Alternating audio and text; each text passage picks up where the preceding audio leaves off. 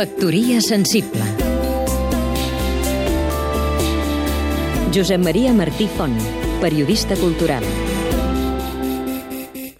Tanquen els vells cinemes, un darrere l'altre. És una epidèmia.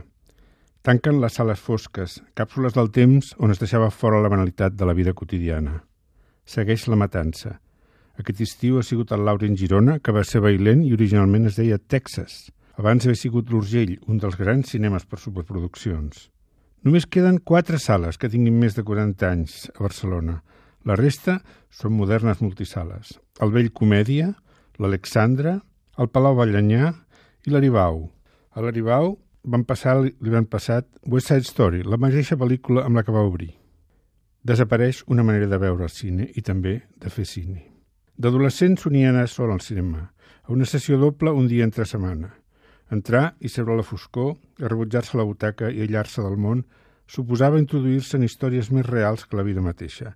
Permetia viure les vides dels altres com si fossin teves, amagat darrere de la porta o al seient darrere del cotxe en el qual el protagonista fugia dels seus perseguidors.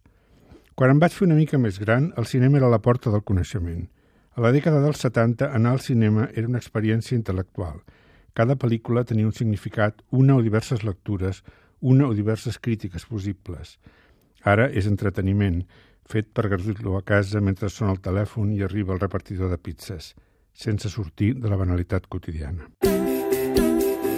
Factoria sensible Seguim-nos també a catradio.cat